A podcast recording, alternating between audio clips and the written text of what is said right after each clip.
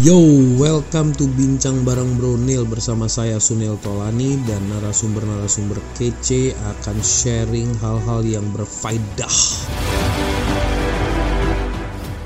Hari ini dalam Bincang Bareng Bronil gue kedatangan atau bersyukur banget beliau mau live sama gue.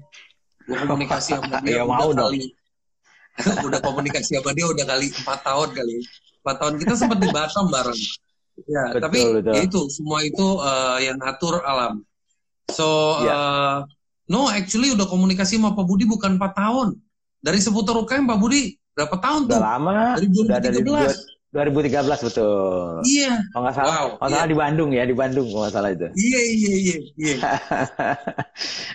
Tapi on off ya, karena karena Oh, mungkin enggak, waktu eh, itu Niko Niko yang lebih sering Niko Niko masih iya, kan iya, iya, iya, betul, Iya. betul. Masih, masih, masih. Niko betul, Iya, betul. itu. Ya.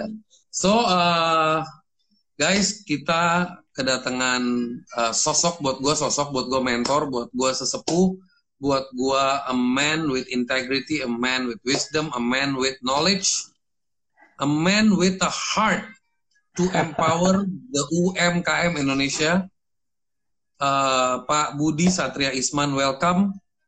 Terima kasih. evening. Uh, topiknya hari ini itu adalah mindset entrepreneur di era new normals. Ya. Tapi sebelum kita masuk ke situ, pengen tanya aktivitas Pak Budi belakangan ini ngapain aja, terus dengan efek pandemik ini apa yang terefek dalam aktivitas Pak Budi? Iya, makasih nih. Pertama, tentunya senang banget nih, Bro Nil ini bisa ketemu lagi ya, walaupun kita ya lewat online ya, kadang-kadang lewat uh, via via uh, media yang lain ya kita ketemu. Tapi saya juga bersyukur terus terang aja uh, bisa ketemu di sini, bisa diundang oleh beliau juga. Tentunya saya sangat merasa terhormat. Uh, sekarang ini kegiatan saya sih sebetulnya pada prinsipnya sama ya. Apa yang saya lakukan selama ini setelah pensiun dulu ya.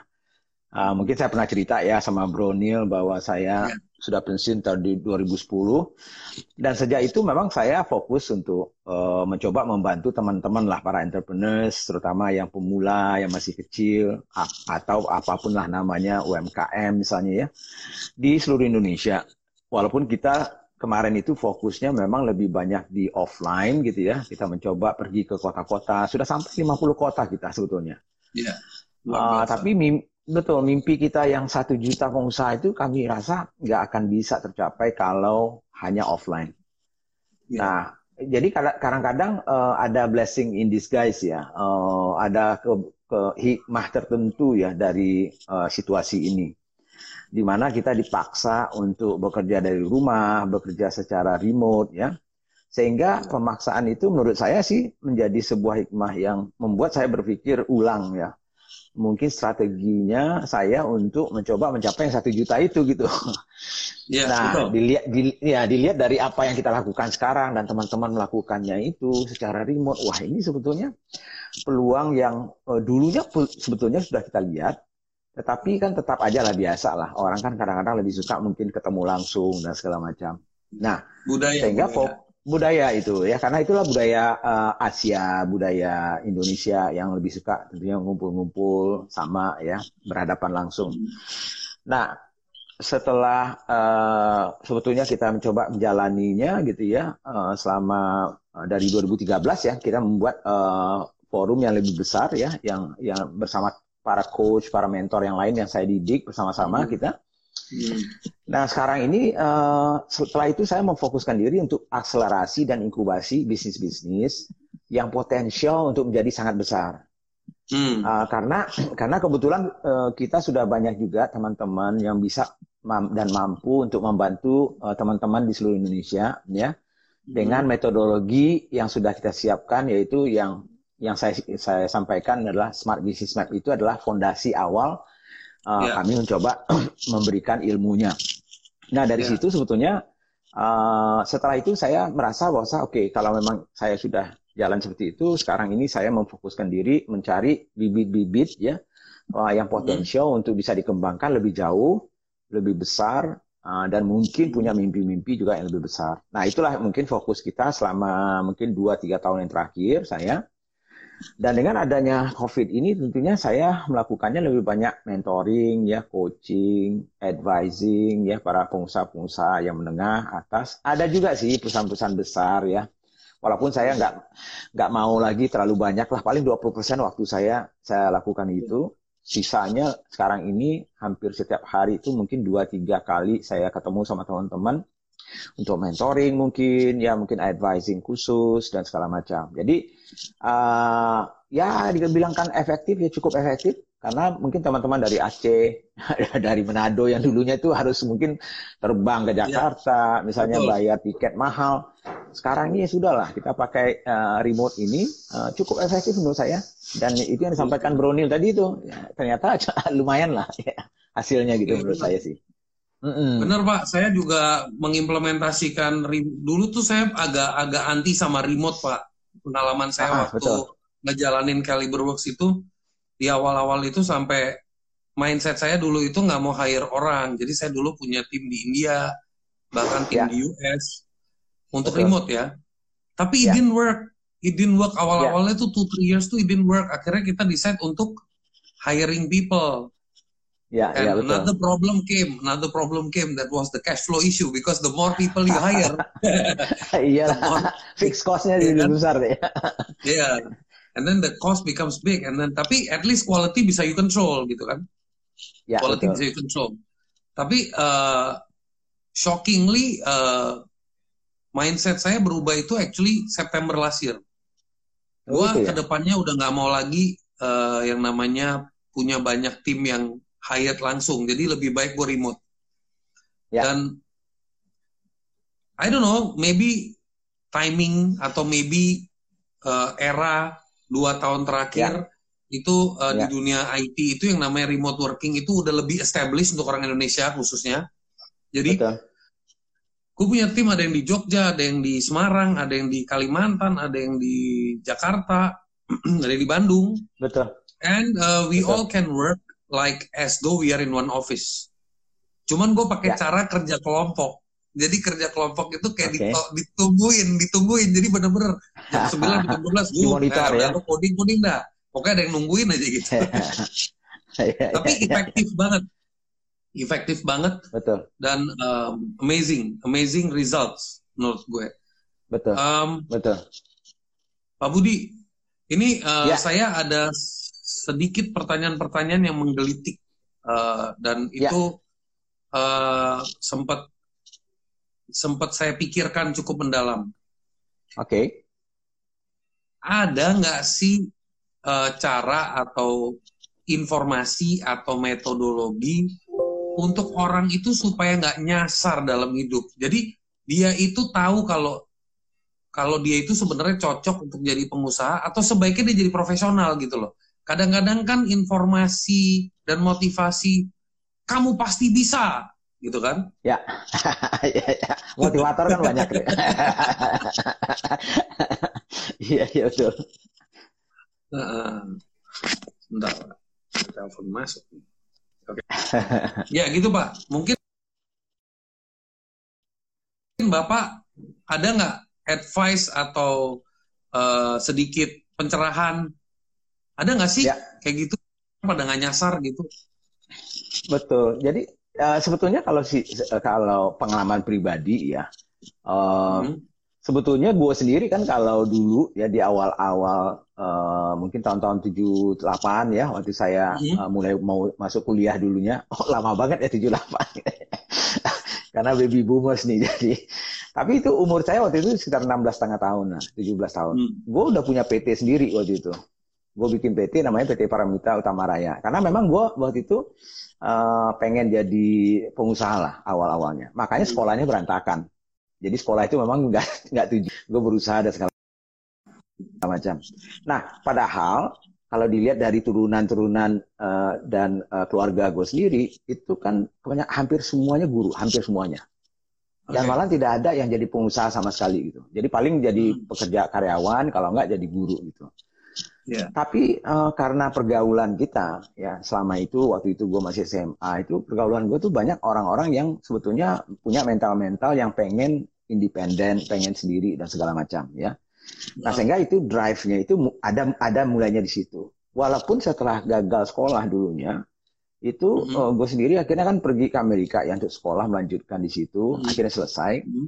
Nah keputusan yang yang penting bagi saya waktu itu adalah untuk masuk ke jadi profesional dulu. Karena saya pikir okay. ya sudahlah, karena saya sudah terlanjur sekolah, jadi profesional, hampir 25 tahun jadi profesional di situ, sampai mencapai puncaknya gitu ya.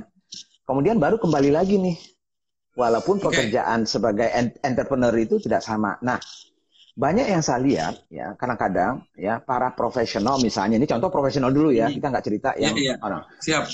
Yang untuk untuk masuk ke wilayah entrepreneurship itu merubah mental mindsetnya sendiri itu nggak gampang. Karena mereka itu sudah terlalu lama uh, menjadi karyawan di mana karyawan apalagi kalau mereka uh, karyawan yang masuk ke bisnis-bisnis yang bagus-bagus gitu ya yang punya sistem ya di mana mereka sudah masuk tuh diajarkan sistemnya semuanya sudah diatur dan segala macamnya sehingga mereka lebih menjalankan ya dengan spesialisasi mereka hmm. masing-masing. Hmm. Nah, begitu mereka keluar dari situ, ya ada dua persoalan utama mereka. Ya, satu adalah bisa mereka nggak cukup fleksibel dalam mindsetnya itu untuk keluar dari norma-norma sistem yang ada.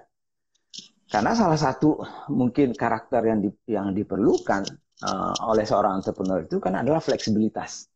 Okay. Jadi kalau misalnya kalau di di perusahaan kalau ya sama lah saya juga 25 tahun kan jadi profesional ya. Yeah, Jadi kalau betul. kita keluar dari sistem tuh nggak boleh gitu.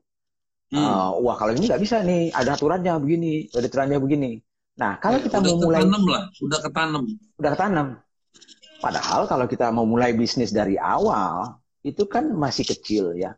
Uh, ya. Mungkin sistem belum ada, sehingga kita yang menciptakan sistem. Jadi kita bukan memakai ya. sistem, tapi kita mencoba menciptakan. Padahal, kalau menurut saya sih, harusnya hmm. para profesional ini beruntung toh. Mereka sudah punya hmm. pengalaman sebetulnya, punya sistem dan segala ya. macam. Ya. Ya. Tapi ini kan masalah mental nih. Ada satu ya. mental yang menghafal rumus, satu yang membuat rumus gitu. Iya, betul. Nah, yang entrepreneur ini kan yang membuat rumus nih. Jadi yeah. kalau dirubah soalnya masih bisa dijawab, tapi kalau orangnya yeah. menghafal rumus, dirubah soalnya nggak bisa jawab lagi gitu. Betul, betul. Itu wah itu nah, bagus banget. Nah, ada lagi yang yang yang pengalaman saya ini dan saya nggak mau hmm. mau tentunya menyebutkan teman-teman semuanya seperti itu, hmm. tapi banyak ya. Hmm. Kalau semakin tinggi orang-orang tuh uh, bekerja hmm. ya uh, secara profesional, hmm. biasanya kalau mereka mau keluar itu ada juga kecenderungan yang namanya post power syndrome. Yes. Nah, ini apalagi kalau Anda sudah pernah jadi CEO tuh. ya kan ya.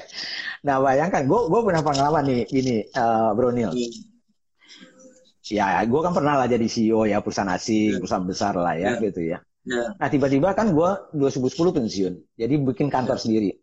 Yeah. Nah kantor yang saya bikin kan nggak mungkin besar, tergantung dana yeah. yang kita uh, kita betul, punya toh. Betul, betul. Nah betul. paling saya ada punya 100 meter, staffnya juga yeah. cuma tiga orang gitu ya, yeah. lebih ke administrasi, nggak punya sekretaris sendiri misalnya. Kalau ada pun yeah. dicampur dengan administrasi, iya. nggak yeah. ada satpam, nggak yeah. ada nggak ada resepsionis. Yeah. Yeah. Jadi kalau misalnya ada telepon masuk, ya nggak ada yang ngangkat, ya gue yang ngangkat. Jadi CEO-nya juga melangkap semua, paham pagi-pagi misalnya ya buka pintu gitu ya. Kalau ada yang nelpon kita ngangkat jadi resepsionis ya. Kita mengetik sendiri misalnya invoice yang kita harus keluarkan yeah. dan segala macam. Nah kalau kita nggak biasa dan nggak mau merubah itu menjadi bilang wah nggak bisa nih. Gue harus punya sekretaris gue harus punya office yang besar jadi yeah. katakanlah gue punya duit misalnya 10 m lah misalnya ya yeah. uh, untuk modal kerja lah misalnya modal kerja sama bikin bisnis. Oh besar dong kan gitu ya lumayan lah yeah. ya untuk untuk yang pertama itu. Tapi 5 m nya habis untuk kantor aja gitu. Udah 50 persen. Jadi modal yeah. itu diputar itu cuma 50 persen. Nah akhirnya apa? Ya akhirnya itulah yang membuat akhirnya orang itu ya stuck di mindset yang lama gitu ya, nggak mau mencoba sesuatu yang baru. Nah, hmm. menjadi entrepreneur salah satu kuncinya adalah juga berani menjual tuh. Hmm. Kan mungkin kita kita mau bisnis katanya, tapi disuruh menjual, ah enggak dong. gengsi kalau gue menjual. gue kan bekas, gue kan bekas CEO. gue bekas Yoi. CEO, gue nggak mau dong jualan. Kalau dulu gue di perusahaan gue dulu ada tim, ada direkturnya, ada timnya, ada ribuan orang yang jualan untuk gue gitu. Sekarang gue hmm. harus jualan sendiri gitu. Yeah. Nah gue, nggak ini pengalaman nih, gue gue ceritanya nggak apa-apa, biar. Uh, gue pernah dapat project dari Coca-Cola. Oke, okay? itu kira-kira saya nggak ingat empat tahun yang lalu, tiga tahun yang lalu. Jadi ada proyek sosial yang diminta kebetulan karena proyeknya itu adalah membangun uh, entrepreneur wanita, maka dia lihat wah program gua ini cocok nih. Jadi dimintalah uh, uh, apa? Gue gue diminta untuk uh, buat proposal ke mereka. Nah, gue datangin ke kantornya. Gue kan pernah jadi direktur di situ gitu.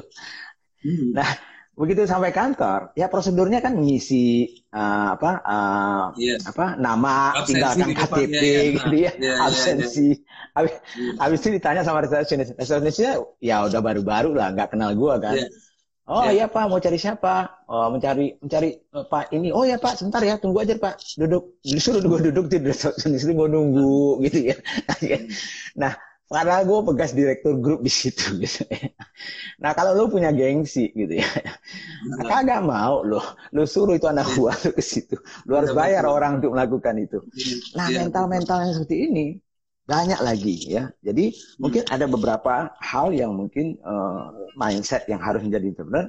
Tapi kalau anda sudah pernah jadi profesional, memang ini harus anda robah total.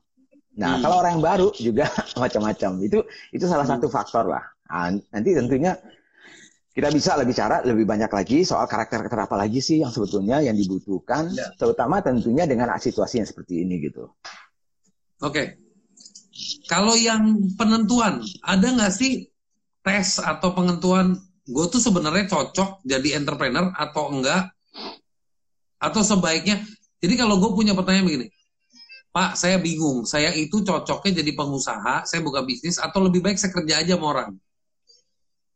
Sebetulnya bisa. Nah itu ada ada ada buat diri gue ada nggak way to know that ini lu lebih baik kerja deh, lu nggak cocok jadi ya. pengusaha. Ya, uh, mungkin uh, tes atau uh, assessment yang khusus betul didesain itu itu mungkin tidak. Tetapi okay. yang yang biasa yang biasa gue lakukan itu adalah misalnya uh -huh. ya, gue punya nih misalnya 10 karakter yang dibutuhkan oleh seorang profesional. Jadi okay. misalnya seperti dia harus punya goals yang jelas dengan big dreams gitu ya. Nah, yeah. itu apa sih yang yang harus dilakukan? Nah, itu yang bisa dites. Mm -hmm. Kemudian dia harus punya passion untuk melakukan sesuatu mm -hmm. misalnya ya. Kalau dia nggak mencintai itu ya dia dia tidak akan bisa melakukan. Nah, itu apa yang bisa dites di situ. Jadi dari masing-masing karakter itu sebetulnya ada alat-alat yang sebetulnya bisa kita gunakan. Jadi ada campuran lah jadi campuran hmm. misalnya seperti bakat sekolah lah, kan ada itu okay, uh, okay, tes okay. psikologinya, ya.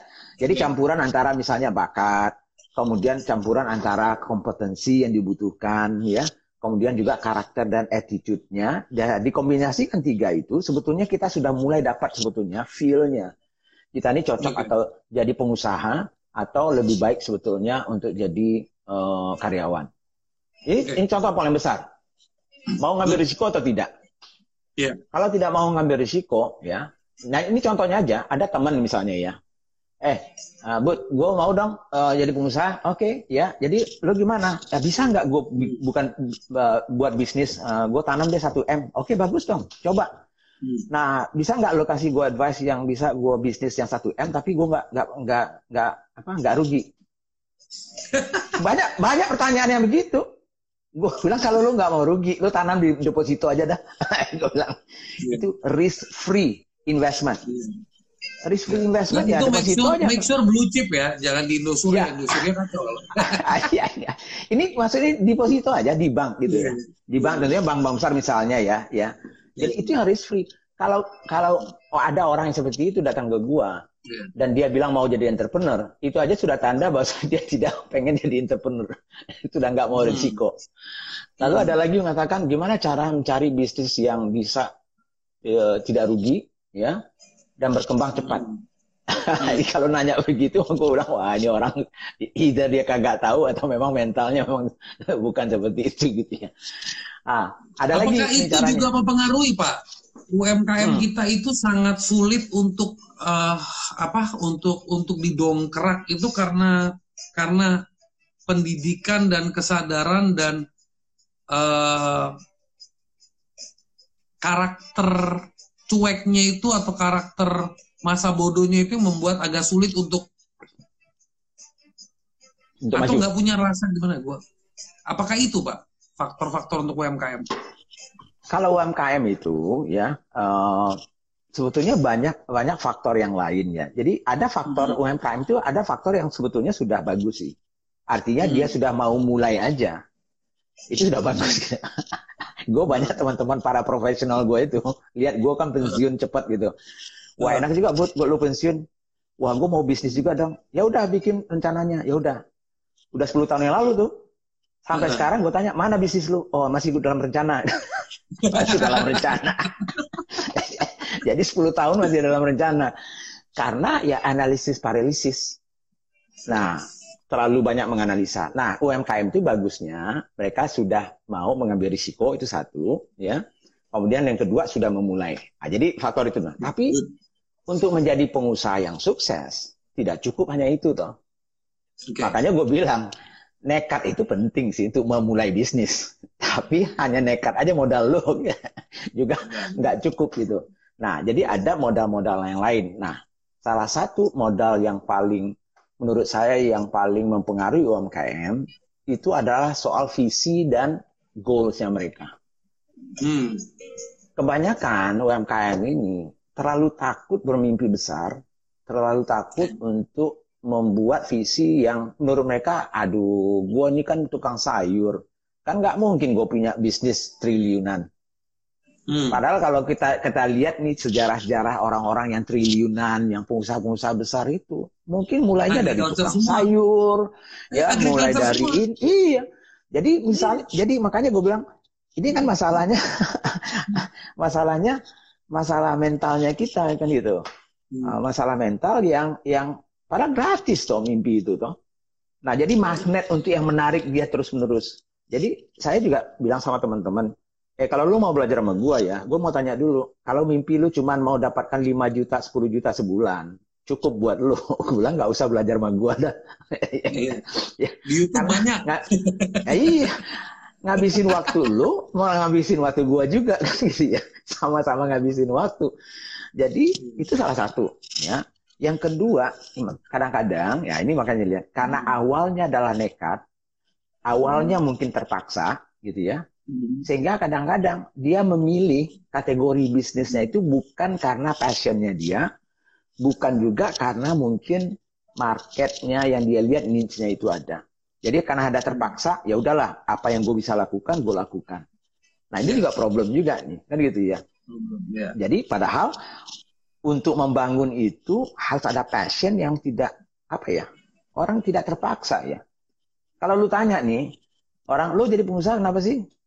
habis terpaksa pak daripada nganggur gue nggak dapat kerjaan nih nah, terpaksa kata-kata terpaksa itu kan udah repot yeah. itu yeah. jadi jadi artinya dia nggak punya passion sebetulnya di situ itu kan problem juga menurut gue gitu Nah ini seru nih, ini sekalian yeah. berguru kita bahas suhu. Oke, okay.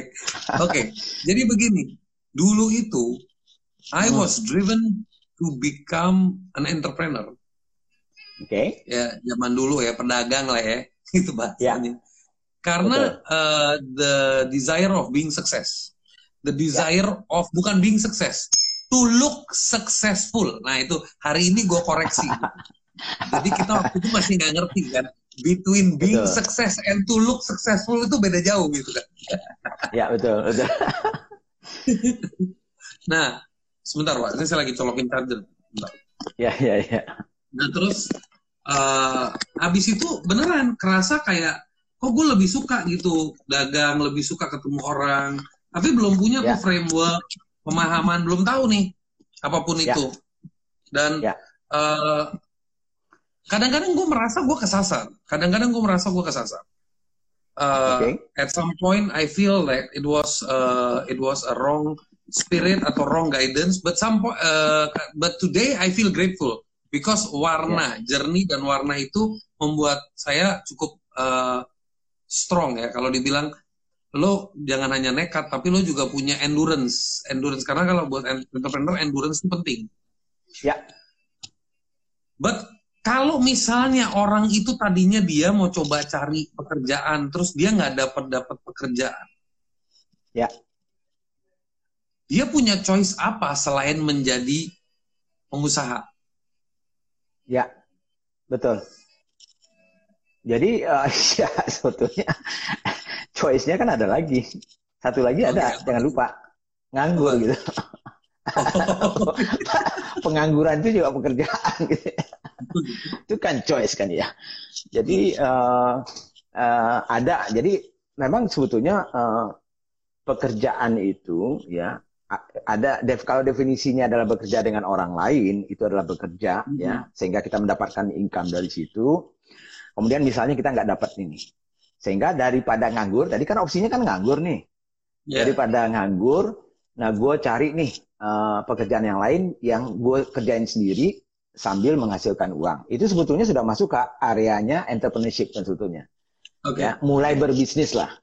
Walaupun yeah. dengan dengan awal-awal yang bukan didesain dari awal kita pengen sebetulnya seperti itu. Tadilah yeah. yang kata terpaksa tadi itu. Yeah. Ya. Jadi memang pilihannya itu tadi itu uh, adalah in between ya itu juga bisa sebetulnya ya kalau misalnya ada juga orang bilang pak saya sebetulnya masih pengen jadi karyawan karena mungkin di situ passionnya saya sekarang. Tapi untuk survive sekarang ini ya sudahlah saya dagang aja dulu. Saya hmm. I have no problem dengan itu. Hmm. Ya kalau hmm. mereka memang karena survival itu penting banget tuh. Jadi hmm. orang daripada dia makan harta yang nggak halal daripada dia mencuri daripada dia merampok. Hmm. Tentunya lebih kita appreciate tentunya mereka-mereka yang pengen itu walaupun nantinya dia pengen lagi. Jadi itu temporary. Tapi itu yang tadi itu yang saya bilang tadi itu. Kalau bisa ya, banyak juga orang yang karena terkepepet tadi itu ya meminjam kata-katanya Mas Jaya ya, the power of kepepet gitu ya. Walaupun kadang-kadang ya dari orang-orang kepepet itu ada aja tuh yang timbul tiba-tiba, oh keluar tuh internal drivernya itu yang mengatakan, eh, maybe this is me ya, mungkin ini yang ingin juga saya ya. lakukan karena tadinya saya nggak pernah tahu ternyata ini lumayan untuk saya misalnya. Ya. Jadi itu juga bisa. Jadi at least bagi saya eh, jangan pernah kita mau menganggur. Itu yang paling penting bagi saya. Walaupun okay. pengangguran itu adalah opsi juga. Ya, dan sorry baru tahu hari ini pengangguran itu adalah pekerjaan juga guys. Jadi jangan lupa. Iya, kan opsinya, apa kerjanya, Pak? Pengangguran. Nah, ini ada contoh yang orang-orang yang menurut saya mindsetnya yang salah, ya. Yeah. Dan ini true true story dan banyak sekali, gitu ya. Yeah. Jadi ada ada orang yang teman, ini ada teman saya juga misalnya. Yeah. Jadi uh, karena mereka misalnya belum dapat pekerjaan, ya, dan dia merasa tidak passion menjadi entrepreneur atau mau mencoba berdagang segala macam, ya sudahlah. Saya bilang daripada lu nganggur, lu cari aja apa yang bisa lu lakukan. Pasti ada. Nah, hmm. saya bilang, ada nih pekerjaan. Saya bilang, apaan tuh? Lu mau nggak jadi sapang? Hmm. Oh, gue ini kan sarjana, bud. Ya kan itu. Hmm. Masa sarjana jadi sapang? Hmm. Tapi pertanyaan dia, opsi lu sekarang ini, ya nganggur atau jadi sapang? Iya benar. Nah, lalu dia bilang, emangnya berapa gue dapat gaji dari satpam? Oke okay lah, misalnya lo dapat uh, UMR misalnya ya. Katakanlah misalnya 2 juta misalnya. Lalu dia hitung-hitung nih.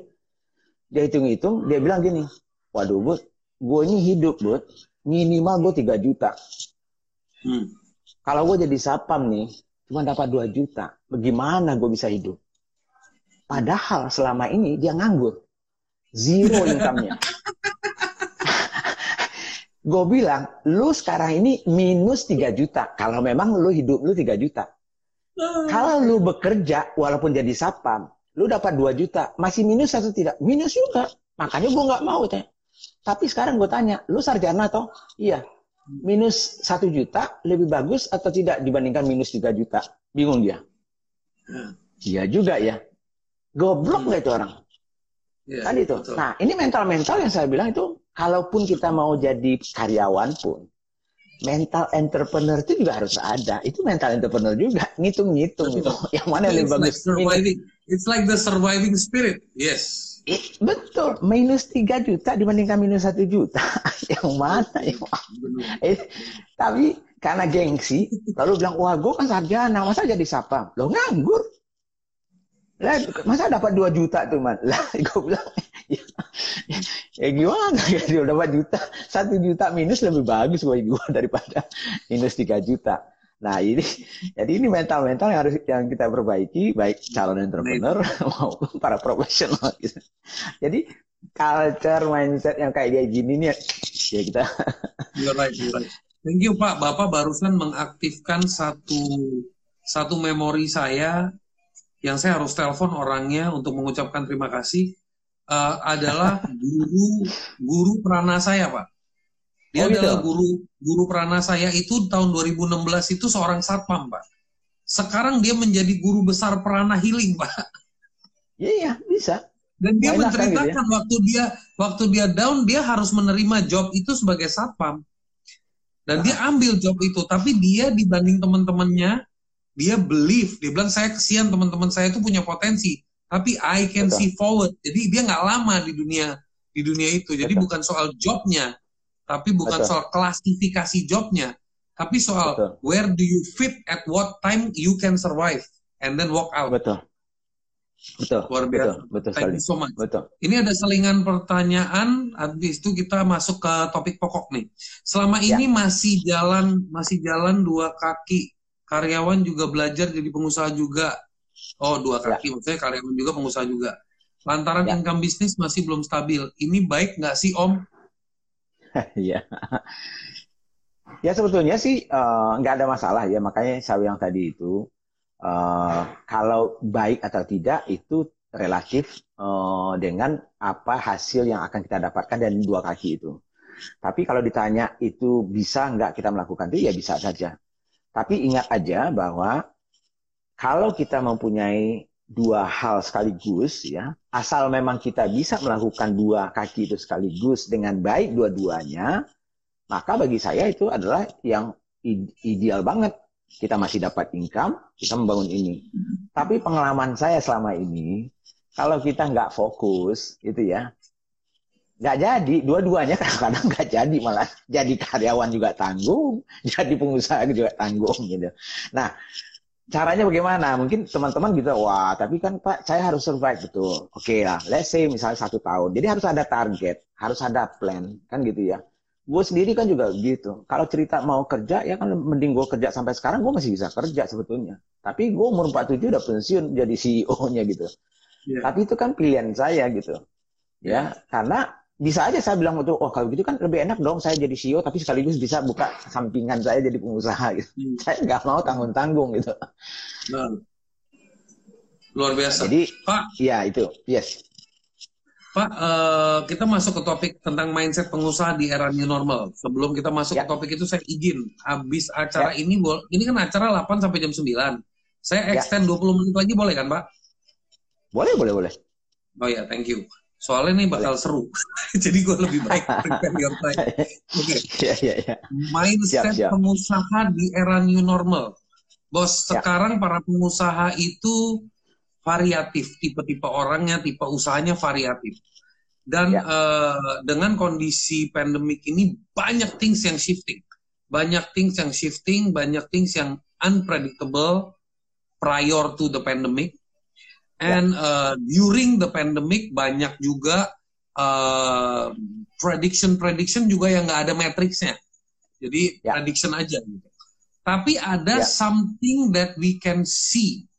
Contohnya yeah. percepatan transformasi digital secara massal yeah. terjadi, betul? Nah, yeah. apa sih uh, tips-tips uh, dari Pak Budi untuk para mindset ya. uh, untuk para pengusaha untuk memiliki mindset mindset seperti apa untuk ya. mempersiapkan di era new normal.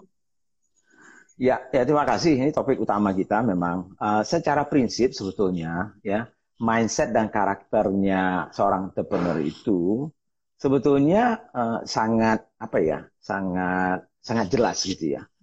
Tapi situasi-situasi tertentu tentunya ada shifting dari fokus dari karakternya yang dibutuhkan. Hmm. Jadi uh, secara umum sebetulnya karakter itu mau ada krisis atau tidak sebetulnya itu karakter yang memang sudah harus dipunyai oleh pengusaha. Tapi dengan kondisi krisis seperti ini, maka ada beberapa karakter yang mungkin harus diperkuat, mungkin yang harus juga mungkin difokuskan, karena memang situasinya berbeda. Nah, contohnya misalnya, kalau saya melihat karakter secara umum, tadi itu saya sudah cerita ada dua karakter yang salah satu yang utama itu adalah dream big-nya dan goal yang besarnya. Karena pada prinsipnya saya mengatakan bahwa seorang pengusaha yang akan sukses atau entrepreneur yang akan sukses memang harus punya mimpi besar. Karena itu magnet yang akan membuat dia kalau dia jatuh, magnet itu akan akan menarik dia kembali untuk bangkit lagi gitu ya. Yeah. Dreamnya. Misalnya contohnya saya kasih tahu. Kalau misalnya Anda betul-betul mencintai ibu Anda dan ingin ibu Anda itu misalnya bahagia. Saya jamin kita akan melakukan apa saja untuk membahagiakan ibu kita. Ya. Kadang-kadang saking negatifnya kita pengen uh, itu misalnya kita malahan merampok misalnya karena pengen misalnya membahagiakan yeah. ibu saya. Walaupun yeah. itu salah kan gitu ya. Tapi yeah. kan itu magnet ya. Magnet karena ada goals yang sangat kuat yang membangun kita. Jadi itu karakternya dia harus punya itu. Kalau belum punya itu, cari itu. Ya, cari hmm. apa yang Yang kedua tadi soal passion, saya sudah cerita.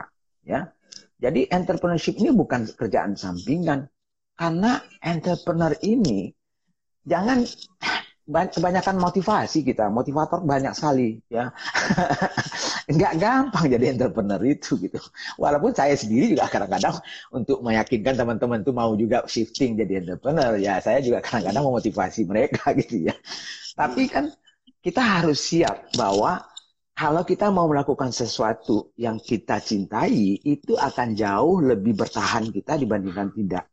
Makanya saya waktu saya di, di perusahaan saya dulu di Coca-Cola maupun di Danone, di Sadu Sada, saya sampai menyampaikan ke teman-teman yang bekerja di situ, kalau Anda ada yang tidak suka dengan pekerjaan Anda, tunjuk tangan sekarang dan silakan keluar semua. Hmm. Karena bagi saya, kalau orang sudah tidak mencintai pekerjaannya, tidak punya passion untuk melakukannya itu, dia tidak akan keluar 100% performa yang dia harusnya bisa lakukan. Betul. Ya, jadi passionnya ya. Nah kemudian yang yang ketiga yang saya lihat yang sangat penting dan itu juga di era yang sekarang ini itu adalah strong work ethicnya.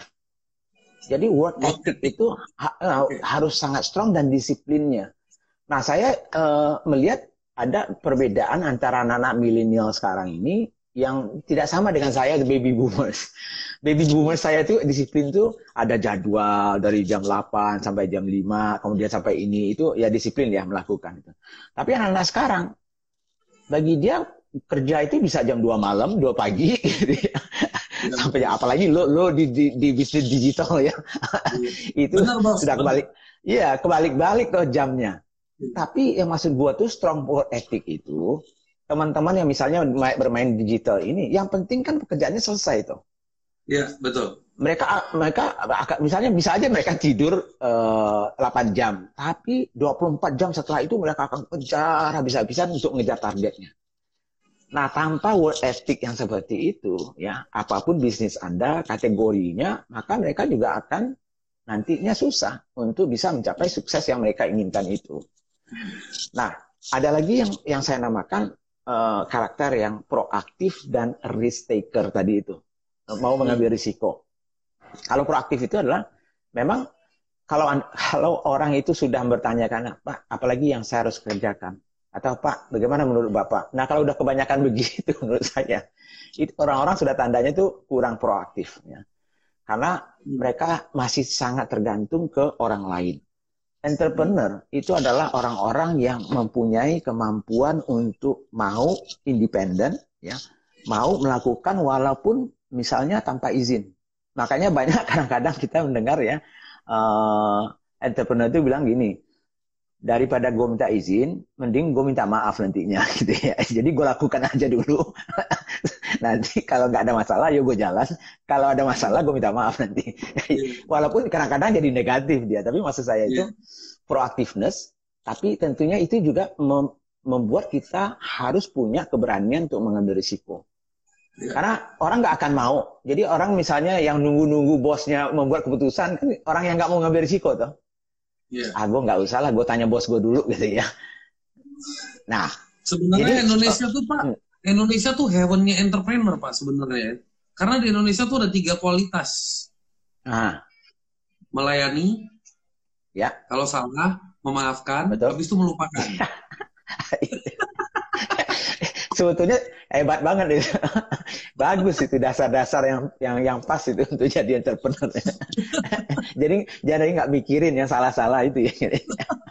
dan, dan juga dan juga cepat gitu ya. Nah, uh, jadi ya itu maksud gue ya, salah satunya proaktif. Kemudian ya. ada lagi yang yang gue perhatiin ya selama gue 10 tahun ini perhatiin uh, para teman-teman yang sukses dan yang kurang sukses dan sebagainya. Itu yang namanya curiosity ya, keinginan tahuan dan orang-orang yang anti status quo. Hmm. Entrepreneur ini orang-orang yang anti status quo dan selalu curious. Jadi selalu pengen bertanya nih, ini kenapa begini, hmm. kenapa begitu ya? Hmm. Nah, jadi bisa merombak sistem. Dia nggak mau uh, yang yang istilahnya itu yang stabil itu nggak mau karena dia akan terus menerus mencoba. Nah, ini nggak gampang kan? Makanya gue bilang orang-orang profesional yang sudah kebiasaan dengan sistem, jadi lebih sulit dia untuk shifting hmm. Hmm. Nah, ada juga yang karakter yang nama gue bilang itu adalah karakter kompetitor dan warriornya. Ya. Okay. Jadi ya kalau orang yang tidak mau kalah, sebetulnya kalau kita uh, misalnya kalau kita uh, poles itu menjadi sebuah karakter yang positif, itu adalah jiwa kompetisi sebetulnya. Ya, betul. Nah, ini ini dibutuhkan oleh seorang entrepreneur karena kalau tidak ya sudahlah kalau ada komputer lewat ya sudah silakan ya nggak ada masalah gitu ya. Ya kayak misalnya kalau diinjak kaki kita hmm. ya nggak apa-apa ya nanti saya maafkan gitu ya. Hmm. kalau gue gue kalau ada kompetitor gue dulu ya gue ingat banget itu uh, dengan Sosro ya maaf ya sorry. Gue sebutkan brandnya di Medan gue pernah sama dia. Sampai gue uh, dulu dia beli botol gue di, uh, dimasukin ke apa ke warehouse-nya sehingga gue nggak bisa produksi tuh teh gue di Medan. Yeah. ngamuk gue yeah. gue kumpulin pasukan gue gue bilang beli itu semuanya. Sosro yeah. di pasar gue bilang. Habis itu gue bawa ke Medan ke warehouse gue di Belawan gue pecahin itu gue foto gue kasih ke manajemennya lu gigit gua, gua potong itu leher lu. Nah, maksud saya itu kan itu jiwa kompetisi ya. Saya tidak mengatakan harus harus negatif seperti itu. Nah, itu yang, versi yang, itu versi itu versi ultimate kalau udah marah banget. Iya. dikoreksi dulu, dikoreksi. Dikoreksi dulu. Nah, Bronil tadi kan menyampaikan soal maraton hmm. tadi ya. Jadi memang entrepreneur ini harus tipe uh, tipe maraton menurut saya. Hmm. Sebab kalau Anda tipe sprinter, itu Anda mungkin pedagang yang pengen okay. cepat hasilnya, yang penting ya. Tapi kalau kalau yang namanya betul-betul entrepreneur jangka panjang yang mau sustainable gitu ya, itu Anda harus mempunyai karakter seorang maraton gitu ya, yang mm-hmm. yang pace-nya itu nggak perlu kencang duluan gitu. Mm-hmm. Tapi dia akan lama, tahan, makin lama makin cepat, tapi dia mm-hmm. konsisten, persisten untuk melakukan mm-hmm. apa yang harus dia capai di dalam goals-nya yes. mereka open mind dan fleksibel itu penting banget ya, terutama open dalam situasi yang sekarang ya. Yeah. Nah, inilah karakter yang yang di dalam krisis ini misalnya open mind dan flexibility itu harus lebih diperkuat. Karena situasi sekarang ini misalnya, kalau lu misalnya uh, punya bisnis tourism, travel dan segala macam, di situasi segini ah, habis loh. Habis. Betul. Nah, kalau kalau lu nggak bisa fleksibel dalam berpikir, dan gengsi untuk mencoba mencari sesuatu lain untuk survive dulu untuk sementara waktu karena kita berharap ini tidak lama misalnya maka lu sendiri bisa menghancurkan bisnis lu yang sebetulnya punya masa depan tapi dalam situasi ini lu harus punya fleksibilitas dan open mind untuk mencari sesuatu yang baru untuk survive nah itu juga sangat-sangat penting nah terakhir yang gue bilang itu adalah karakter confidence level dan ingin terus belajar dalam situasi seperti ini itu sangat penting. Karena yang tadi lo bilang, shiftingnya kan cukup banyak. ya uh, Behavior konsumen-konsumen itu cukup banyak berubah. Dan kalau Betul. lo nggak pernah mau terus-menerus uh, uh, berubah ya dan tidak mau kemudian mencoba ya untuk memperbaiki dan menyesuaikan diri dengan situasi sekarang, maka lo nggak akan relevan lagi nantinya pada saat ini selesai. Nah kalau begitu lu nggak relevan, ya sudah konsumen lu hilang semua gitu. Jadi itu karakter-karakter yang secara umum yang menurut gue sih uh, harus gitu ya, uh, harus dipunyai secara umum ya. Tapi yang gue mau point adalah pada saat uh, pandemi seperti ini dan krisis, ada tambahan yang gue gue rasakan perlu. Tadi gue fokus soal flexibility ya dan open mind-nya terhadap perubahan-perubahan ini ya. Kemudian ada lagi yang karakter yang saya bilang itu karakter dan attitude yang uh, apa namanya itu empathy ya. Jadi empathy. dalam situasi seperti jadi karakter empathy itu harus kuat ya. Apakah itu empathy kita terhadap uh, apa namanya ya uh, uh, konsumen kita maupun misalnya untuk orang-orang dalamnya kita yang harus kita bangun mereka, kita bantu mereka juga bangkit kembali bersama-sama kita. Itu sih yang menurut saya sih yang yang mungkin uh, lebih lebih uh, umum dan plus nanti fokus-fokus tertentunya gitu menurut saya gitu. Nih teman-teman, gue baru ingat satu kata nih. Lo kalau tadinya kerja terus CEO-nya Pak Budi, terus lo kalau nggak benar-benar belajar sama dia lo cuma punya dua pilihan dibina atau dibinasakan selesai lo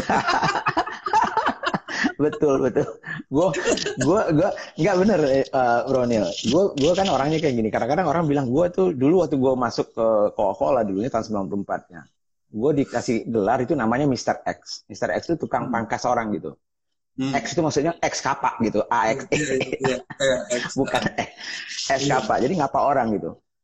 Karena gue betul-betul. Makanya gue tadi bilang, kalau gue masuk ke perusahaan atau ke organisasi, gue akan tanya, lu masih suka nggak di sini kerja? Lu masih passionate nggak? Masih punya nggak drive lu? kalau nggak, silakan keluar langsung. Tapi kalau lu lu betul-betul punya passion, lu betul-betul ingin belajar, pengen maju, yuk bersama-sama.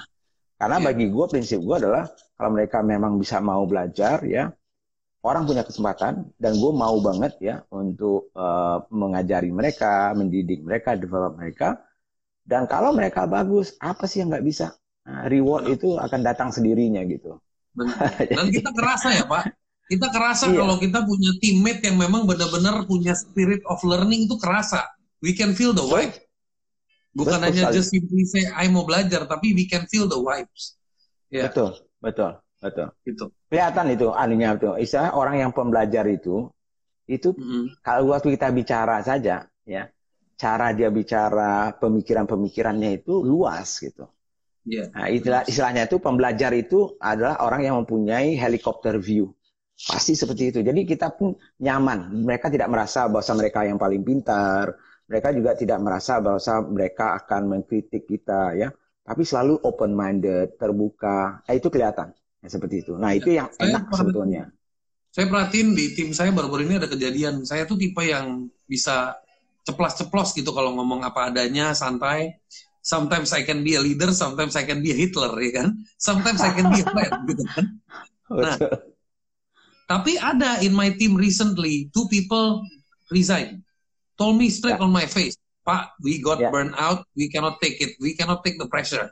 Ya udah, yeah. if you want to learn, if you cannot take the pressure, ya yeah, it's okay, go home. Yeah. But if you want to yeah. learn and become something, you have to learn to go through the endurance. Nggak bisa dipaksain. Yeah. Betul. Gitu.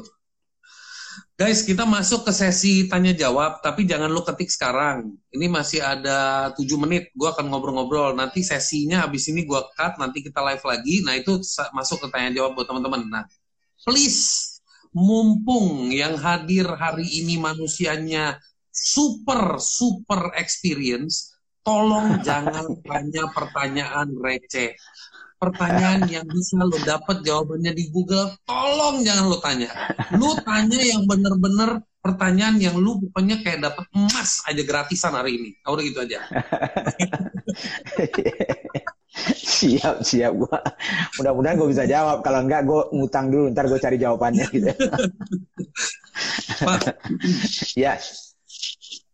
Uh, what do you think? Uh, how should uh, kita sebagai entrepreneur uh, how do an entrepreneur build uh, the character of agility, the character of flexibility?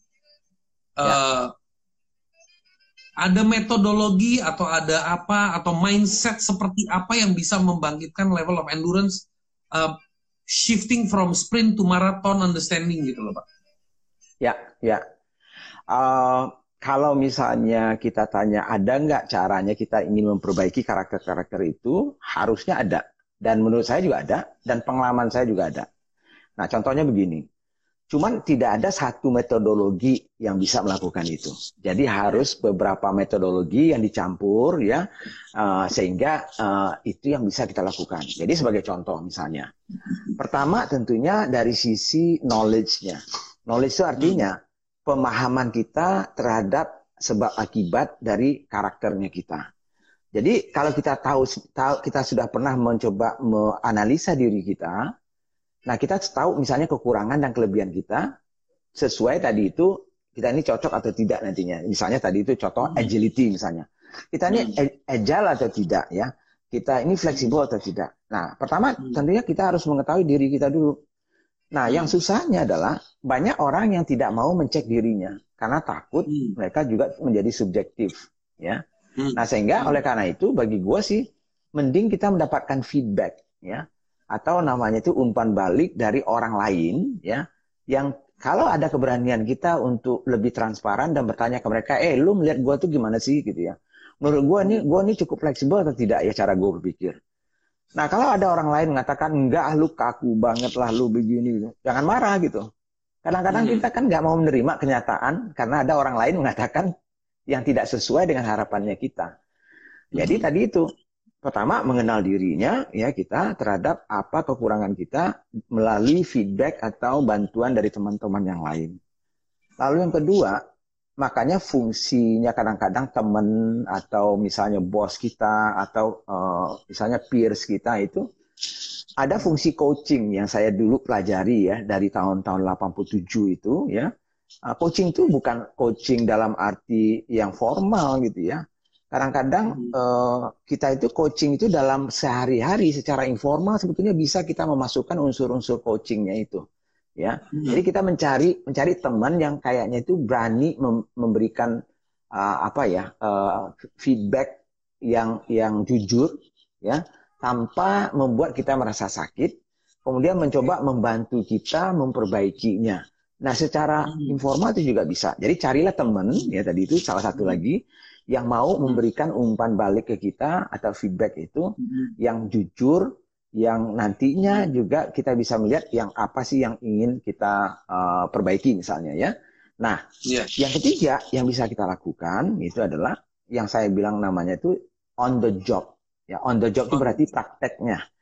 Jadi hmm. uh, gue misalnya waktu gue mau coba mendidik teman-teman tim saya yang masih junior gitu ya, itu biasanya saya kadang-kadang memberikan mereka tugas-tugas yang saya tahu risikonya itu tinggi. Hmm. Dan saya tahu kemungkinan gagalnya besar. Tapi okay. malah itu yang saya berikan ke mereka sengaja karena saya mau tes sebetulnya bagaimana mereka, mereka menghadapi uh, kegagalan itu. Nah, hmm. begitu mereka gagal, reaksi kegagalan itu yang saya coba coach mereka. Saya mentor mereka, tapi dengan syarat satu, kita sebagai bosnya dia atau sebagai misalnya temannya dia juga siap menerima ya kegagalan hmm. itu. Yang banyak kita kadang-kadang kita jadi bos nih ya. Lalu hmm. kita nggak nggak nggak memperbolehkan teman-teman kita atau anak buah kita itu berbuat salah. Iya. Nah kalau begitu mereka akhirnya apa? Mereka play safe dong. Benar. Nggak ada, nggak ada mereka. Wah oh, gila, gue dimarahin terus nih kalau salah. Kalau begitu ya iya, udahlah. Yeah. Uh, gue tanya aja bos gue, gimana menurut bapak? Yeah. Kalau menurut bapak, oke okay, saya jalan. Kalau enggak, ya, nanti yang gue soal lain kan bapak yang approve. Iya, yeah. yeah, betul. Jadi kan nggak ada keberanian. Jadi artinya kedua belah pihak harus ada. Nggak bisa uh, mereka itu sendirian independen untuk yeah. melakukan perubahan itu. Karena yeah. dalam konteks dia melaksanakan perubahan karakter itu pasti ada hubungan dengan lingkungannya.